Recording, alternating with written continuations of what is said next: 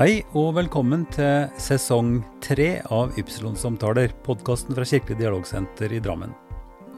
I denne sesongen gjør vi en liten forandring, en nyhet. Eh, I tillegg til en samtale med en eh, samtalepartner eller flere, så har vi en presentasjon av en av foreningene, medlemmene i vårt lokale dialogforum, DOTL, Drammen omegn tro- og livssynsforum. I denne første episoden har jeg gleden av å snakke med Ingeborg Altern Vedal, som er koordinator i DHTL. Det blir dagens korte innslag om eh, foreningene. Og så er hovedgjesten Amir Zaferi, som kom til Norge 30 år gammel i 2001. Da var spenningene etter krigene på Balkan så sterke at det ble umulig å leve for han kona og det lille barnet deres der. Amir er svært takknemlig til folket i Bykle kommune som tok imot den vesle familien på beste vis. Han er utdanna skipsingeniør og fikk raskt jobb i Sjøfartsdirektoratet, og så i Det Norske Veritas, der han fortsatt er ansatt. I Drammen har han engasjert seg sterkt i Den bosniske kulturforeningen, og så i moskeen. Amir sitter nå i styret for Drammen og omegn tros- og livssynsforum, DOTL. Da er det en stor glede for meg å åpne den tredje sesongen av Ypsilon-samtaler, podkasten vår, med besøk fra Amir Zaferi. Velkommen. Tusen takk, eh, Ivar. Det er alltid hyggelig å prate med deg. Eh, Jeg ønsker å gratulere deg også med jobben du har gjort så langt, og lykke til med det du holder på i framtiden også. Veldig hyggelig. Eh, Vi kjenner hverandre gjennom noen år, eh, og det er først og fremst gjennom dialogarbeidet fra eh, DOTL, Drammen og Mentro livssynsforum, hvor du eh, i flere år har vært aktiv eh, i både kulturforening og i annet arbeid her i byen.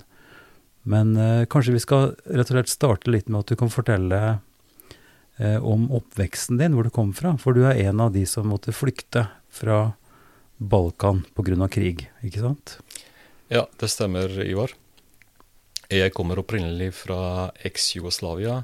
Og grunnen til at jeg sier eks-Jugoslavia, er at jeg er født i Beograd, som er uh, Serbia. Ja.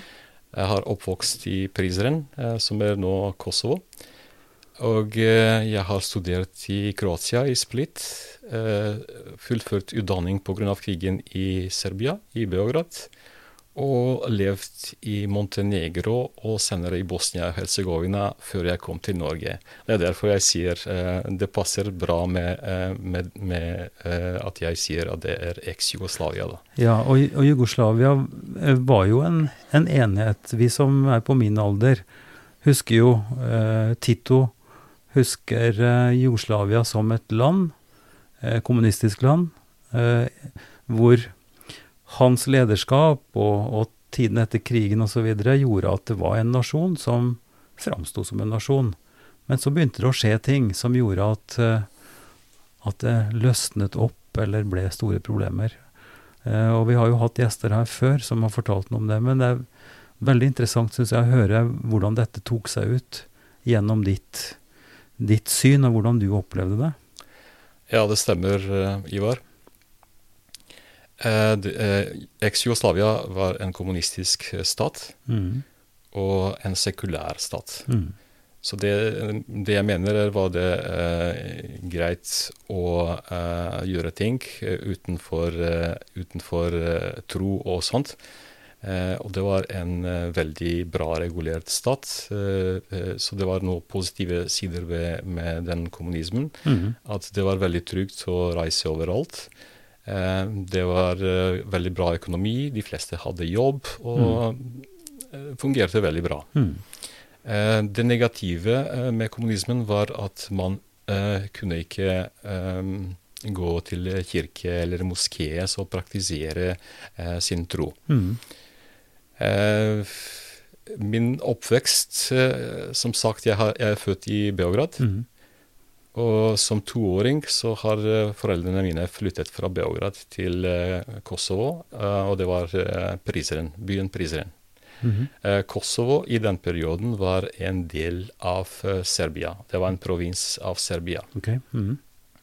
Og Prizren er en, en by i Kosovo, den andre største by etter Pristina. -hmm. Og der bor det rundt eh, 230 000 eh, mennesker. Mhm. Og eh, av dem så det er eh, rundt 30 000 bosniaker. bosniaker. -hmm. Og bosniak, for de som ikke vet, eh, så det er egentlig en eh, sånn bosnisk kultur, språk og alt. Men vi bodde overalt utenfor Bosnia også. Det er mange som bor i, i Montenegro, også i Serbia, mm -hmm. selvfølgelig i Bosnia og nå overalt i verden. da. Mhm. Så bosniak det er et annet uttrykk for bosnisk muslimsk identitet? Eh, det stemmer. Ja. Det stemmer. Mm. Eh, Det er kanskje en interessant historie om hvordan jeg lærte eh, albansk språk der, som, Ja, jeg, ja. eh, eh, som jeg kan fortelle dere. Mm. Men, men først si litt om For dette er noe som ikke jeg vet helt, men jeg har en oppfatning av at, eh, at språket på Balkan, inklusiv også Bulgaria, at det er ganske likt. At det er mye felles. At man kan forstå hverandre, men at det er noen forskjeller. Ja. Um, og at de, forskjellene som nå har blitt veldig aksentuert gjennom krigen og forskjellene, altså at man sier at det er serbisk, det er bosnisk, det er kroatisk, um, at det kanskje eh, høres ut som større forskjell enn den er. Er jeg inne på noe da, eller, eller tar jeg helt feil?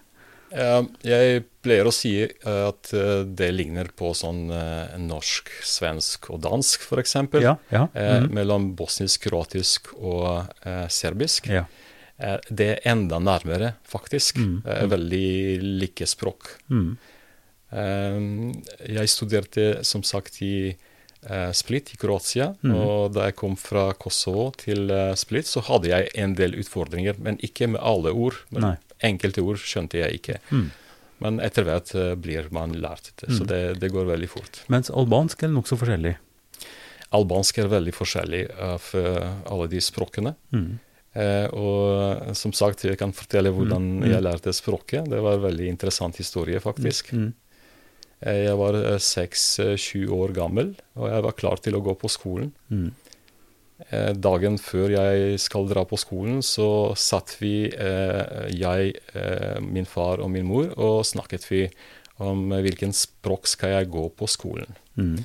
Så jeg har sagt at Kosovo var en provins av Serbia. Mm. Da var det mulighet til å gå på skolen på serbisk språk, Mm. og da var det mest snakkende språk i Serbia. Mm. Eh, Den andre eh, valget var å studere på albansk. Mm. Det var det mest snakkende språk i Kosovo. Mm. Og tredje språket var eh, turkisk språk for Ja. turkiske minoriteten. Og det var stort sett i Prizren-området, da, der hvor vi bodde. Akkurat. Multi, et multinasjonalt land, på en måte. En multinasjonalt og multikulturelt Ja, ja. land, og multireligiøst også. Det også. Eh, Så har vi bestemt at, vi, eh, at jeg går på skolen på, bosnisk, på eh, serbokroatisk språk. Mhm. Hvorfor det? Eh, Grunnen var at eh, det var nærmest til eh, den bosniske språket. Mm. Mhm. Men dagen da vi skulle reise til skolen, så eh, dro vi, jeg og pappa, til registrering og første dag på skolen. Det var det samme dagen, da. Mhm. Eh, så på veien traff vi veldig mange mennesker eh, som pappa begynte å snakke med. Mm. Og det resulterte til at, eh, at han registrerte meg på albansk språk. Og veien var bare 500 meter lang. Hva var det som gjorde at faren din syntes det var så interessant? At han skiftet mening? Ja, han forandret mening fordi han husket eh, sine sånne psykologitimer. Mm. De fleste som han traff, eh, sa at de skal registrere sine barn på albansk språk. Og da han tenkte eh, eh, Det som var lært i, i psykologien, sa at hvis du går imot eh, miljøet hvor du bor, så risikerer du at du blir mobbet. Så Ja. han ikke ønsket at sønnen hans skal bli mobbet. Aha. Og det var grunnen til at han registrerte meg slik. Og jeg skjønte ikke før jeg kom inn i klassen.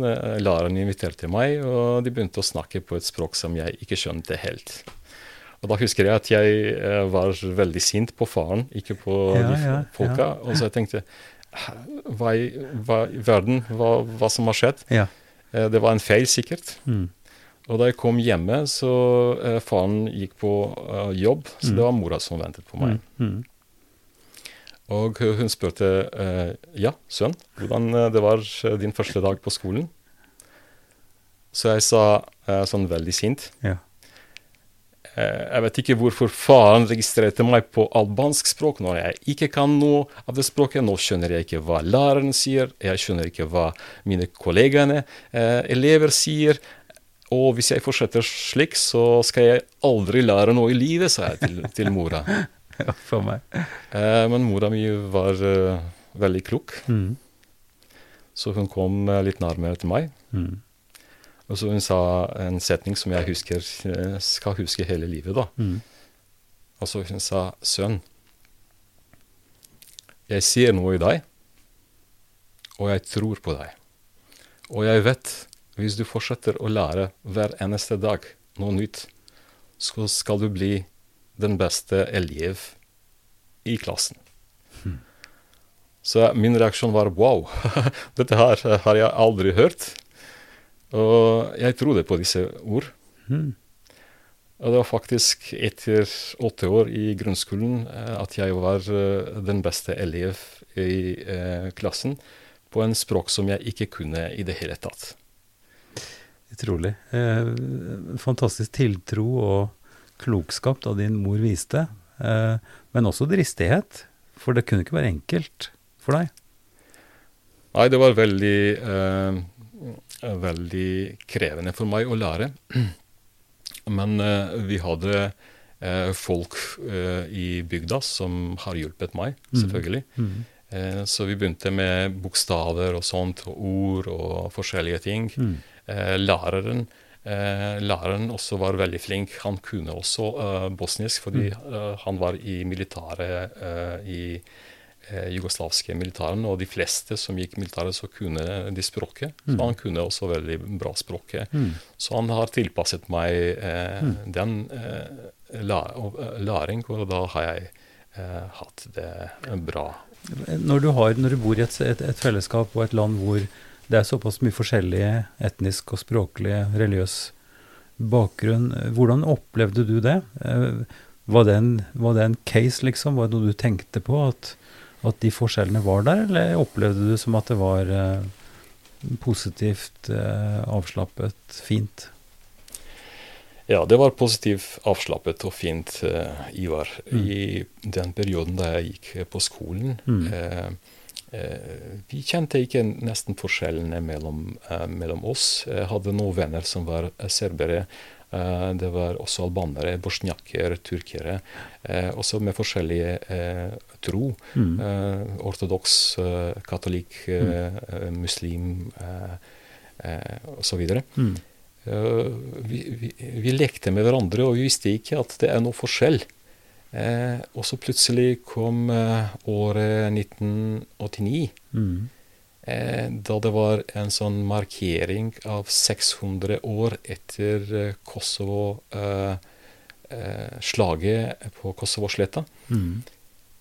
og hvor Milosevic har snakket om Han holdt en tale som våknet nasjonalismen i folka. Mm. Og etter den talen så begynte det å skje noe, eh, noe sånn at eh, vi begynte å, å skjønne ok, jeg er muslim, eh, han er katolikk, han er, eh, han er eh, ortodoks og sånt. Så det var eh, den perioden da vi skjønte. Men da jeg var eh, 17-18 år Og i den perioden, i 1990, da, så har eh, I Serbia har de fått en eh, ny grunnlov eh, som eh, har avsluttet autonomien av Kosovo. Ja. Og det resulterte til at, at uh, Kosovo-albanere har uh, erklært Kosovo-republikk. Og da begynte egentlig eh, eh, misnøye både hos albanere og hos serbere. Mm. Da kom det veldig mange styrker fra, fra Serbia og da var det, det begynte undertrykking av kosovo-albanere. Mm. Men i den perioden har jeg eh, registrert meg til eh, eh, Militærteknisk akademiet i Split i Kroatia. Mm. Og det var akkurat det samme året, da. Så jeg begynte å studere dit. Mm. Eh, Jeg har lyst til at du skal bare si litt mer, hvis du kan, om, om det der eh, oppveksten din i de første 18 årene. Du sier at dere lekte sammen. Det var avslappet, det var ingen som var bevisst liksom, forskjellene i så stor grad. Eh, Skyldtes det, tror du, altså kommunismen, at det var ikke lov, eller man ikke skulle legge vekt på, eller man skulle ikke vise religiøs tilhørighet? Hadde du noe erfaring med å gå i noen moské, eller, eller praktisere noe tro i den tiden? Eller var det eh, skjult, eller ikke aktuelt? Ja, det var stort sett eh, skjult. De fleste som gikk på moské eller eh, i kirker og sånt, var eh, de eldre mennesker som Mm. var i pensjon og sånt. Mm. Eh, De unge uh, gikk ikke i moskeen. Og det som jeg visste ikke uh, Det som jeg uh, visste om islam i den perioden, var at jeg ble omskjært eh, i ung alder, Mm. og at jeg ikke spiste svinekjøtt. Det var Ja. det eneste som jeg visste om min tro, da. Ja.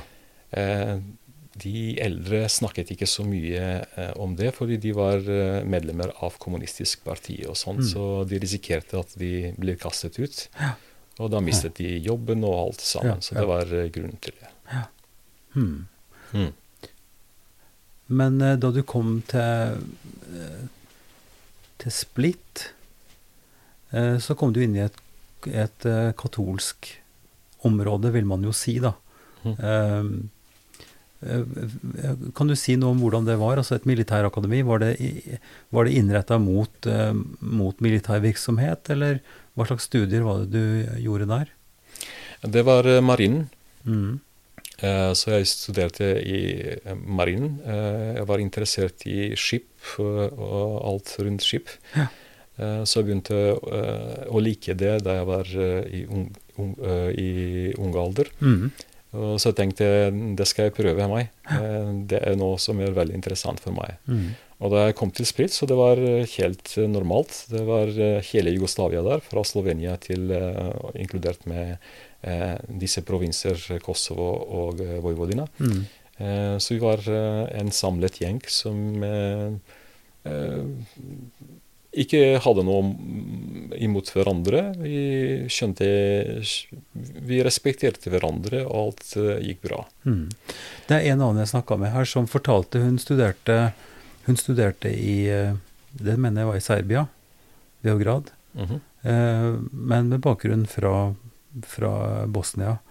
Og hun eh, sa det så tydelig at de eh, som studenter var sammen, og de, de, de, de klarte ikke helt å forestille seg at det skulle kunne bli krig, fordi det var Det føltes så fremmed og så rart, fordi de nettopp hadde det fellesskapet og erfaringen av å kunne være sammen. Altså den, så, det, så jeg syns jeg hører noe av det samme det du sier, at studiene og studiekameratene gjorde at det var på en måte et miljø som ikke klarte å forholde seg helt til de spenningene som vokste. Det er korrekt. Det er korrekt. Eh, ingen trodde at det skal være krig. Vi tenkte nei, det er bare tull. Det er noen bare eh, nasjonalister som prøver å gjøre noe, men det blir ikke noe av det. Mm. Eh, ingen trodde på det. Mm. Militæret var veldig sterk, og de var, de var jugoslavisk orientert. Mm. Og det er derfor vi merka ingenting. Mm. Men senere skjedde det det at, at eh, Slovenia begynte en eh, eh, I Slovenia begynte krigen. Mm. Det var en kort krig. Og senere, også etterpå, eh, kom det i Kroatia. Mm. Vi trodde ikke helt. Eh, Det var eh, først eh, mine slovenske venner som dro fra akademiet. Og eh, når det begynte å skje i Kroatia, så eh, hæren begynte å skjønne alvoret. Og da har de flyttet oss eh, fra, eh, fra Split til Beograd, mm. hele skolen da. Mm. Så jeg fullførte utdanningen min i, eh, i Serbia, i Beograd. Mm. Og det var perioden da krigen i Bosnia også begynte. Og Kosovo var også eh, ekstremt eh, varmt Hvordan skal jeg si Ja, stor spenning. Stor spenning der fortsatt. Ja. det var politiet og kontroller overalt og sånt, Mm. så det var stor spenning. Mm. Men jeg var på en, trygg, miljø. Det var internat. Så hadde noen kolleger som støttet meg, som trodde på meg. Ja. Eh, altså de var ikke, de var ikke mm, negativt eh, Til personlig? til nei. meg personlig. Eh, vi, dette er jo veldig interessant også fordi vi, vi lever jo nå i den samme følelsen i vår tid. Altså at eh, at sivilisasjonen eller utviklingen eller humaniteten har kommet så langt at, at krig på en måte blir eh, usannsynlig eller, eller urealistisk. Men så ser vi jo at rundt omkring så skjer det spenninger som utløser eh, våpen. Og nå, nå har vi jo en nokså spent situasjon også i, i Europa. Mm. Eh, så jeg syns jo det er grunn til å, å huske at det er ikke veldig mange år siden du da måtte gjøre noe. For når du var ferdig med studiene dine, så, så måtte du ta noen beslutninger. Kan ikke du fortelle om hvordan du havnet her til slutt? Ja, eh, det som har skjedd etter akademiet, så eh, fikk jeg sånn en løytnantgrad. Og jeg var maskiningeniør, spesialisert innen skipsteknikk. Mm. Begynte å jobbe i Montenegro. Og da krigen eh, eh, Det vokste opp med eh, misnøye i Kosovo, og det, det var noe paramilitære paramilitære Grupperinger? grupperinger som Ja. kom til Kosovo, og de har gjort masse ødeleggelser og drap Mm. på kosovo-albanere, eh, som resulterte til at Nato begynte å intervere.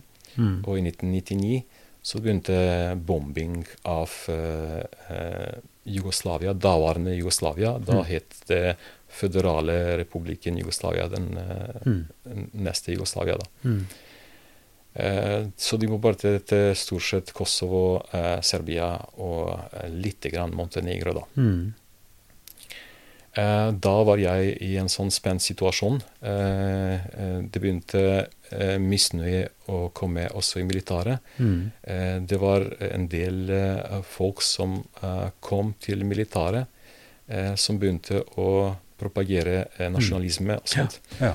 Så det begynte å komme eh, Det begynte hatt mot meg, egentlig. Mm. Eh, de likte ikke at jeg er fra Kosovo, at mitt eh, etternavn eh, ligner på en albansk etternavn. Mm. Og jeg fikk veldig stor press da der. Mm. Og på andre sida hadde jeg foreldre som bodde i Kosovo også, eh, som skulle også flytte til, til eh, Albania pga. disse paramilitære Mm. eh, grupper. Mm. Og senere ble de bombardert eh, av eh, Med en feiltagelse, da. Eh, Nato bombarderte nærheten av eh, huset vårt. Mhm. Og en del av de klassebombene Mm. eh, kom til huset mitt. Og da eh, har de gjort en stor ødeleggelse av huset og drept eh, hunden vår. Mm. Eh, min bror var eh, litt skadet. Han fikk en sånn sår eh, Mhm. i armen. Mm. Uh, og ja, for å ikke snakke mer uh, i detalj om det, men etter krigen så kosovo-albanere var egentlig veldig sinte på, på serbere. Mm. Serbere har flyttet tilbake til Serbia, Mm. alle de som bodde i Kosovo også. Mm. Mm. Og de kosovo-albanere ønsket hevn. Eh, og alle som, har noe, eh, som hadde noe å gjøre med, med serbere, da blir de enten drept eller, Mm. eller em, husene deres eh, brant. Mm. Og da var det stor krise for mine foreldre, siden jeg uh, jobbet i uh, den jugoslavske marinen. Mm. Men uh, for kosovo-albanere var støtte til serbere, da. Mm. Og da måtte jeg gjøre noe i hui hast. Mm. Og eh, det som jeg bestemte da, eh, var at jeg og kona, eh, som var gravid, skal, skal prøve å rømme. Vi tenkte først i Italia, og vi, fikk, vi tok en fiskebåt dit. Mm. Men jeg ble fanget av mine kollegaer da. Hm. Og så plassert i en, heter det forvaring. Det er ikke fengsel, men forvaring. Ja, mm Mhm. Og så, eh, etter en måned i forvaring, så kom jeg eh, eh, til å eh, Jeg skulle, eh, jeg skulle mm, forsvare meg til friheten, da. Og i den perioden så fikk jeg min datter. Mhm. Det var 2000, året 2000. Og senere fikk jeg en døm, eh, dom som var eh, sånn betinget eh, fengsel mm. hvis jeg gjør noe feil, inkludert trafikk. Trafikkbøter. traf trafikkbøter, ja. Og da var det ganske seriøst, egentlig. Ja. Og uh, situasjonen i Kosovo var ikke helt uh, perfekt da Nei. også. Nei. Og for meg var det også stor press igjen, Ja. at jeg skulle flykte, flytte fra militæret, og der var det stor press fra, eh, fra Ja. Men, men du var fortsatt i jobb da i Jeg var eh, fortsatt i jobb. Ja, men du fikk eh, en betinget dom og, Ja. og eh, beskjed om at du måtte skjerpe deg. Ja. Ja. Og pga. Uh, alle disse spenningene, både hos meg og mine foreldre, så jeg tenkte for å redde både meg uh, og min familie, og også foreldre og Mm. bror, mm. så må jeg gjøre uh, en steg til, og da rømte jeg til Bosnia-Hercegovina. Mm. Og der var det litt, litt lettere for meg, Mhm. men ikke helt eh, uten problemer da. Nei. Men i hvert fall, jeg, har, eh, jeg tok kontakt FN, eh, UNHCR, eh, Mhm. og de hjalp meg til å komme til, til Norge. Så du kom hit i 2000. Jeg kom hit i 2001. Ja. Jeg var sammen med kona Ja. og datter, som var eh, et, et og et halvt år gammel. da. Så til sesongens nyhet, en presentasjon av en forening som jobber med dialog her i Drammen.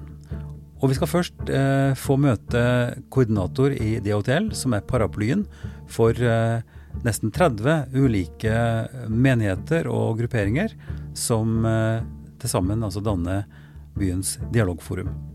Open this gate. Nordmenn tror på Gud, Tear down Allah, this wall. alt og ingenting. God morgen, Ingeborg Alteren Vedal.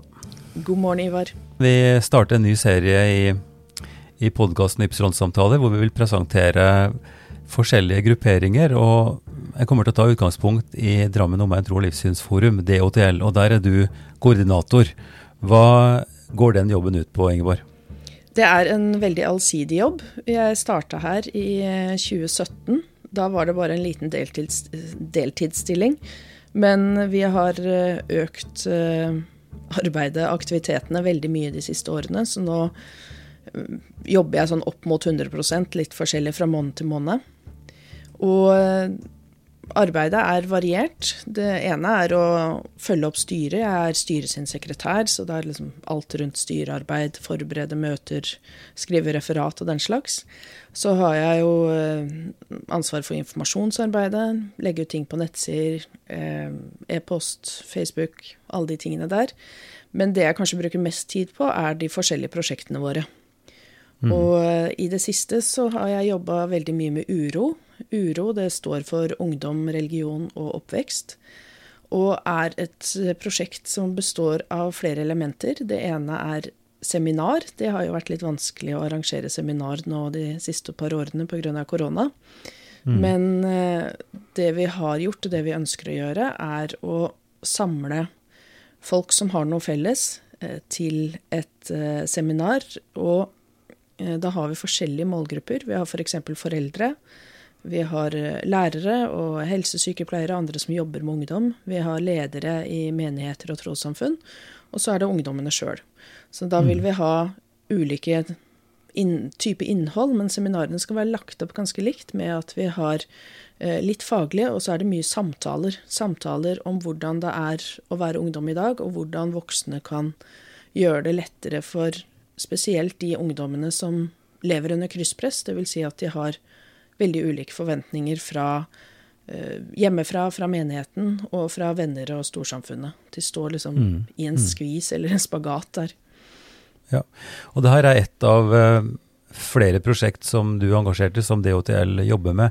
Vil du si noe eh, om, om DHTL generelt? Hvem er medlemmer? Hva slags forening er det? Vi har eh, 29 eh, medlemmer nå. Det er trossamfunn, lokale menigheter av nasjonale trossamfunn, og så livssynsforeninger.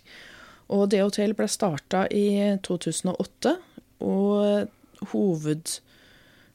si, eh, Formålet til DHTL da, er å gjennom dialog eh, bidra til at folk blir kjent, sånn at man får mindre konflikter og kan jobbe sammen om at samfunnet skal bli best mulig, og at vi kan leve side om side med forskjellige tro og livssyn.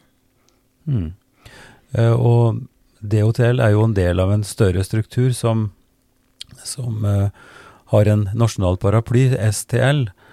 Eh, I hvor stor grad jobber DHTL, altså lokalt da i Drammen, med de nasjonale strukturene? Det har blitt veldig mye mer de siste par årene. Delvis fordi at det er stadig flere lokale dialoggrupper. Og vi har nå fått til at de lokale dialoggruppene møtes eh, en gang i måneden sammen med STL, hvor vi snakker om forskjellige ting, lærer av hverandre. Eh, ja, og også har vi da lettere for å ta kontakt med hverandre utenom disse møtene også, fordi at vi har blitt kjent både der og på fysiske samlinger, sånn at vi kan be om innspill og, og råd fra de andre utenom de møtene. Og Mm. så er vi jo veldig heldige i det hotell, fordi at eh, et av styremedlemmene våre jobber i STL, sånn at vi har på en måte en, en fot innafor på den måten. Så jeg vil si at vi har eh, ukentlig kontakt med STL nå. Og, og STL, det er en forkortelse som vi tar for gitt her, men hva, hva betyr STL? Hva, hva ligger i de bokstavene?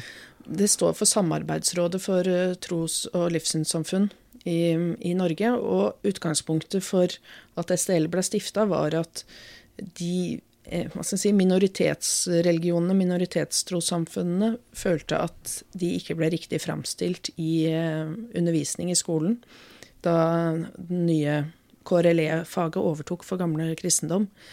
Og derfor syns jeg det er veldig fint nå at et av prosjektene vi jobber med, er å lage ressurser til bruk i KRLE-undervisning, og også gjøre skoleekskursjoner til moskeer, kirker og templer best mulig.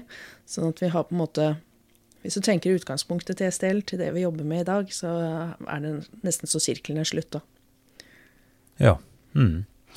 Eh, Du nevnte at du har en variabel, eh, en variabel styringsstørrelse. Det høres jo ikke helt, eh, helt enkelt ut.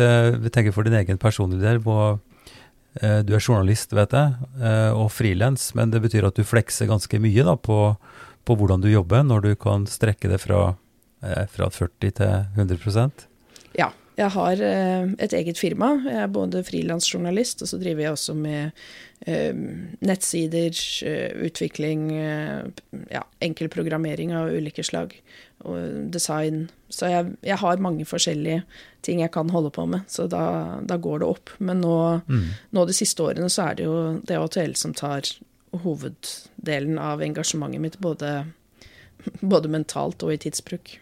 Mm. Eh, Økonomien, hvordan finansieres eh, DHTL? Vi får noe driftstilskudd fra Drammen kommune. Håper også å få fra Lier etter hvert. Vi får også noe driftstilskudd fra STL, i likhet med andre lokale dialoggrupper.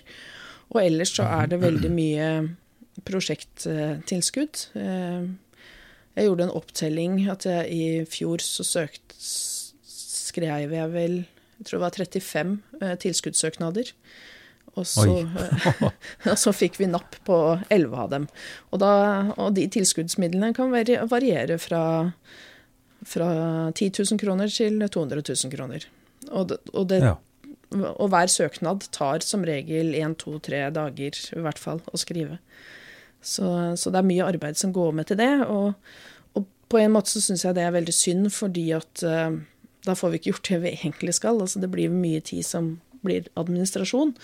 Men samtidig så ser jeg jo at noen ganger så er det nyttig eh, fordi at vi da får spissa prosjektene våre bedre og gjort de bedre. gjennom Mm. søknadsprosessen. Eh, Du sa litt om, eh, om prosjektarbeid, og eh, altså at, at du nå har holdt på med uro, både med podkast og, og seminar osv. Det er en av aktivitetene. Hvis du skal gjøre det enda mer overordna, hva vil du si eh, er DHTL sin viktigste misjon? Hva, hva er det viktigste eh, DHTL eh, gjør? Altså hvorfor, hvorfor er DHTL viktig, vil du si? Det viktigste er jo det å få folk til å snakke på en, sammen på en måte hvor de lytter til de andre og respekterer de andre. Vi trenger ikke bli enige. Det er ikke noe, er ikke noe mål at vi skal eh, Vi skal ikke starte noen ny religion. Vi er ikke et livssynssamfunn, trossamfunn. Men vi skal finne en måte å snakke sammen på hvor vi kan forstå hverandre og respektere hverandre og være positivt nysgjerrig på hverandres tro uten at vi mister vår egen på noe vis. Eh, Og i tillegg til det så er jo DHTL en slags paraplyorganisasjon, sånn at vi jobber for at tros- og livssynssamfunn skal ha gode levekår i, i Drammen og Lier, og at eh, vi skal være med på å lage et livssynsåpent samfunn. Fordi at vi tenker at livssynsnøytralitet er veldig vanskelig. Når man sier livssynsnøytralt, så mener man veldig ofte sekulært. Og det er, mener vi at det er ikke nøytralt. Men et livssynsåpent samfunn, så er det plass til religion og livssyn. Man har lov til å, å, å vise fram hva man tror på med, med f.eks. klesdrakt. øh, og at man skal øh, Ja, f.eks. at man skal kunne bygge en moské som ser ut som en moské. Det skal synes i by, bybildet at vi er et mangfoldig samfunn. Så, så vi er veldig fornøyd med at vi nå har fått med eh, i Drammen kommune sin nye kommuneplan, så har vi fått inn visjonen eh, at det skal være et, eh, et godt sted å utøve sin tro. Og det, det ikke, Drammen kommune hadde ikke nevnt tro- og livssynssamfunn i det hele tatt i, i de første utkastene, så vi er veldig glad for å ha fått på plass det. For jeg tenker at da sier vi noe om at, at tro og livssyn skal ha en plass både i, i Drammen kommune, liksom sånn rent administrativt, men også at det skal være At det er viktig for befolkningen, da. Eh, hvis vi til slutt skal si noe om, eh, om hvordan folk eh, i Drammensområdet, de som lytter til denne podkasten, hvordan kan de eh, få greie på hva DHTL driver med, og hva slags aktivitet er det dere ønsker at folk skal være med på? Ja, vi har jo både litt sånn, hva skal jeg si, interne kurs og den type ting, og så har vi en del eksterne møter som eh, alle kan være med på. Og på nettsida vår dhotl.no så eh, ligger det informasjon om eh, alle planene vi har for i år. Vi skal bl.a. Eh, igjen arrangere åpne helligrom i september under Drammen Sacred Music Festival. Og da inviterer vi folk til å bli med på en rundreise hvor man besøker minst tre ulike religioner i deres eh, gudshus eller eh, forsamlingslokaler. Og på den måten bli kjent. Og det har vi arrangert nå to ganger og fått veldig gode tilbakemeldinger på det. Vi eh, skal også legge opp til at det blir skoleekskursjoner i den sammenheng. Mm. I tillegg til det så har vi jo Ypsilon-samtalene i samarbeid med, med Kirkelig dialogsenter. Og mm. der kan jo hvem som helst møte. Så skal vi også ha en del kurs og seminarer som er mest for de som er aktive i trossamfunn, men det kan være aktuelle for andre også. Vi har bl.a. Et, eh, et kurs for folk som vil være, eh, sitte i styret, påta seg styreverv. Det kaller vi for eh, Delta, eller Delta. Mm. Og eh, vi skal også ha eh, et kurs om antisemittisme. Dette er noe vi, vi må ta tak i, så det, det er også under plan, planlegging i samarbeid med STL og eh, eh, Holocaust-senteret i, i Oslo. Så, Ja. så jeg tenker det er, det er mange forskjellige ting vi, vi jobber med, men eh, det som vi nå jo kan gjennomføre uansett hvordan pandemien går, det er jo Uro-podkasten vår. Og den kan man lytte til på uro.dotl.no. Man finner den også på Spotify. Spotify. Ja. Veldig bra. Det er jo et, eh, et godt samarbeid mellom eh, Kirkelig dialogsenter i Drammen, som denne podkasten som vi nå snakker i, eh, springer ut fra, og, og DHTL. Og det vil jo si et, et, stort, et stort felt av dialogarbeid som, som på en måte henger sammen, og der DHTL er en svært viktig grunnlagsforening som, som bidrar til å, å bygge dialog i, i Drammen. Så jeg ønsker deg og, og DHTL lykke til videre. Takk for praten. Takk skal du ha. Så tilbake til dagens hovedgjest, Amir, som forteller om da de kom til Norge. Og jeg husker den dagen da jeg kom til, eh, til Norge. Mm. Det var 12. juni 2001. Så vi skulle lande på Kjevik i Kristiansand. Mhm. Jeg husker før vi landa, så så vi eh, naturen og sjøen og de vakre, den vakre naturen, den norske naturen. Klokka var også eh, ni om kvelden. Mhm. Men det var, eh, Det var lyst Sola skinte og alt, ja. så jeg tenkte wow, hva er dette for noe? Ja. Så det var fantastisk. Ja. Og folka fra Bykle kommune eh, ventet på oss. Mm. Og de skulle kjøre oss til, eh, eh, til Bykle kommune, som var ca. Tre timer ja. fra Lang, lang kjøring. langkjøring. Ja. Mm. Eh, på den veien fra, fra Kristiansand til Bykle så har vi sett fortsatt den vakre naturen. Mhm.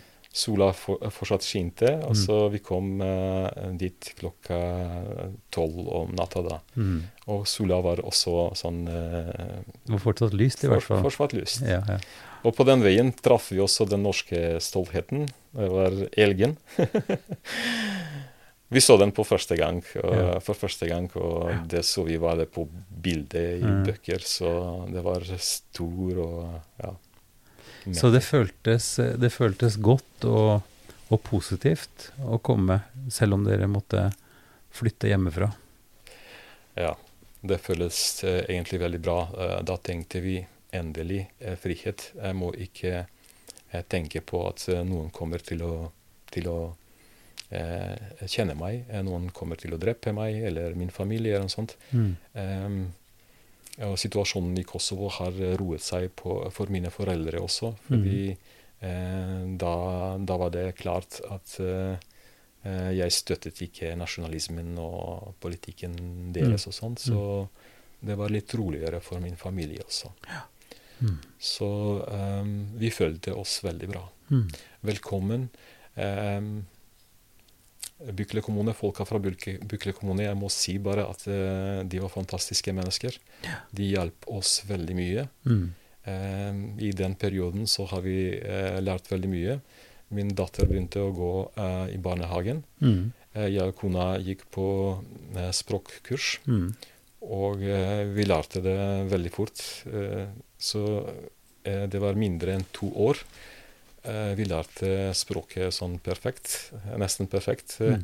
eh, vi tok Bergentesten, som var test i språk på høyere nivå. Mm. Men det, det som var på en annen side, var at vi var i Bykle, og vi tenkte nå skal vi skjønne alt de sier.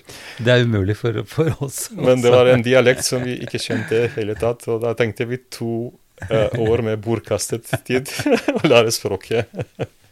Men lærte dere altså setesdalsdialekt? Nei, vi lærte det aldri.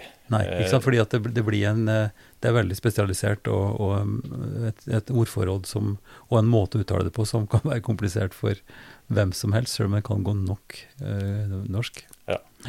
Det var eh, tre år vi bodde der. Mm. Jeg, jeg fikk eh, nostrifisert min eh, diplome Mm. i den perioden. Mm. Eh, kona hadde lyst til å studere, Mm.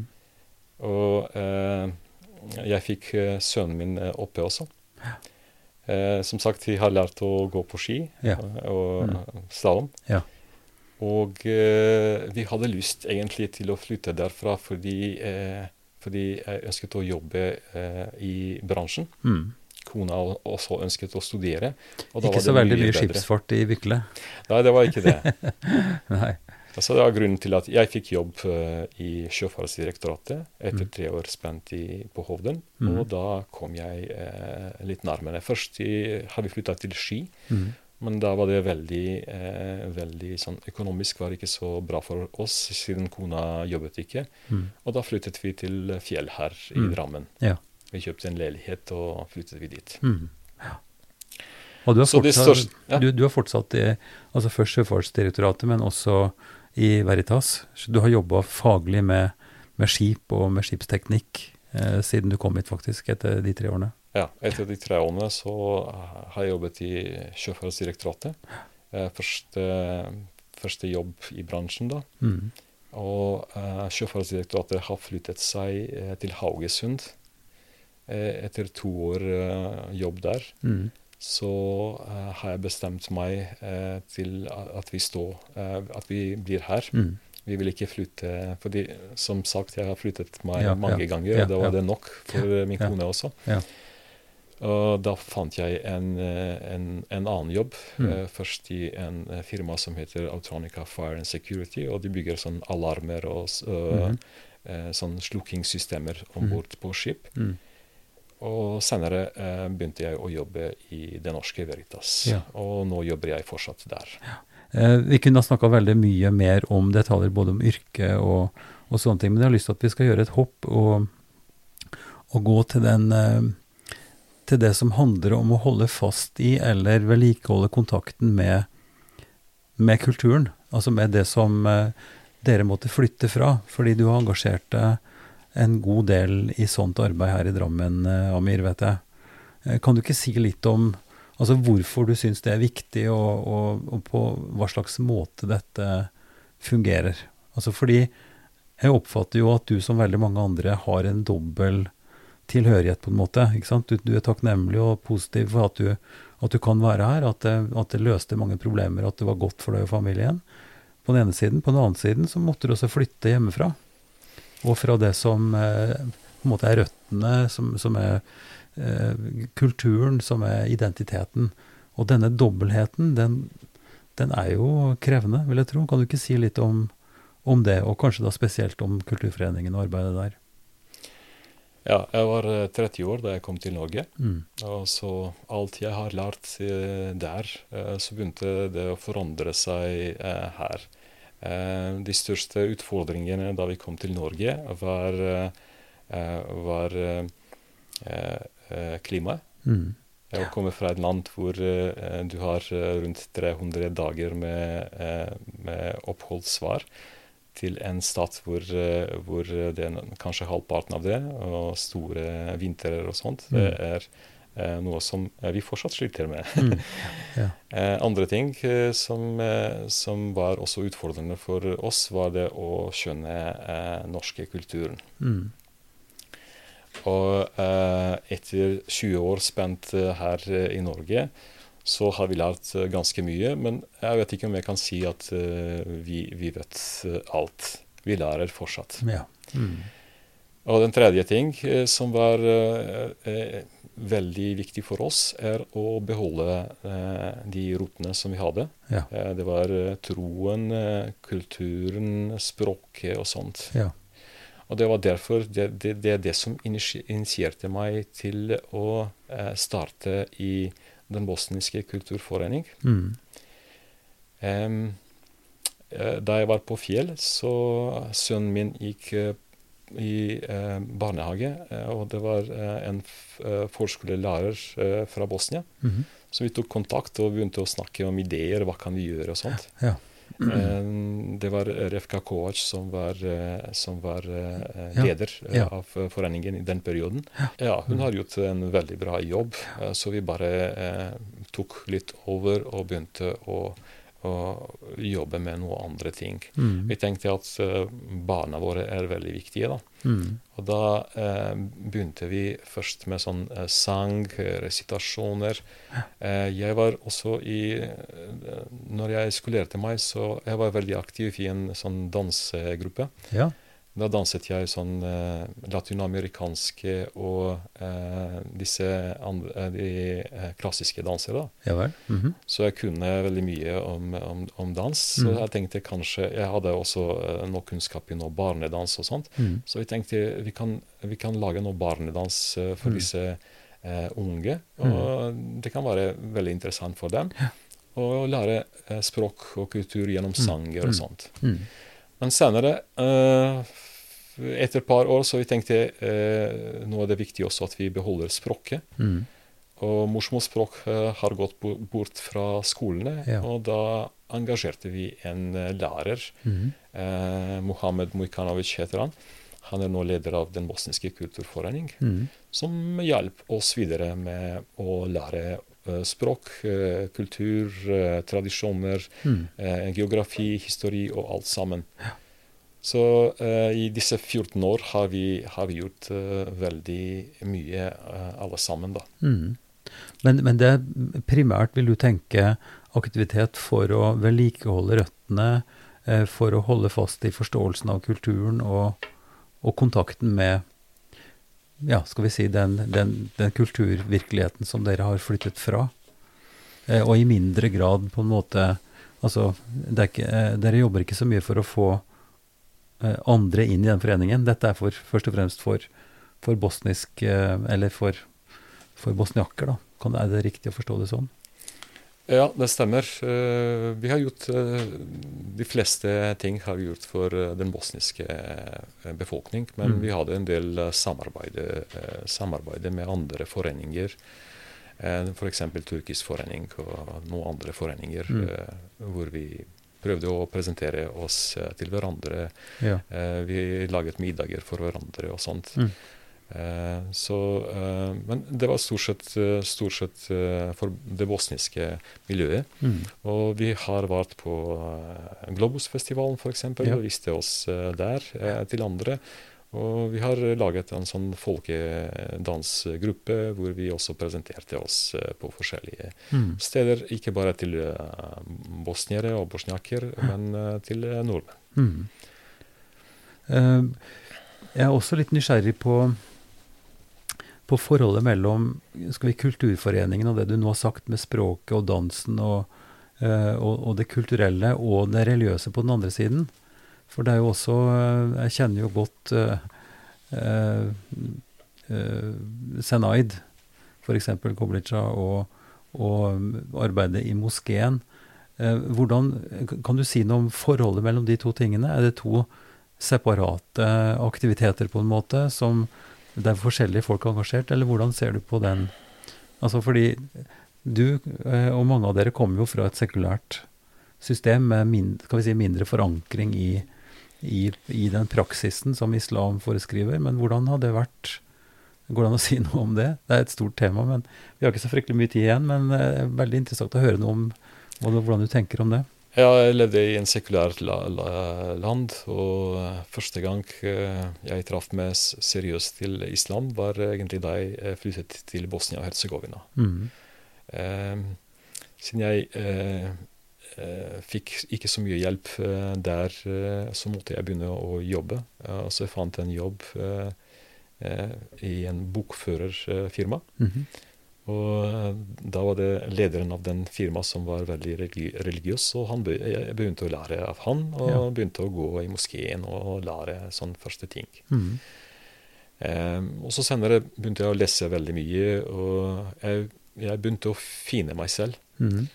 Og alle disse ting som har skjedd til meg eh, helt fra, eh, fra jeg var liten til at jeg kom til Norge, det jeg egentlig eh, tenkte på, eh, det er det må være noen som styrer dette her. Mm. Og det er ikke, det er ikke bare helt eh, vanlig at disse ting skjer.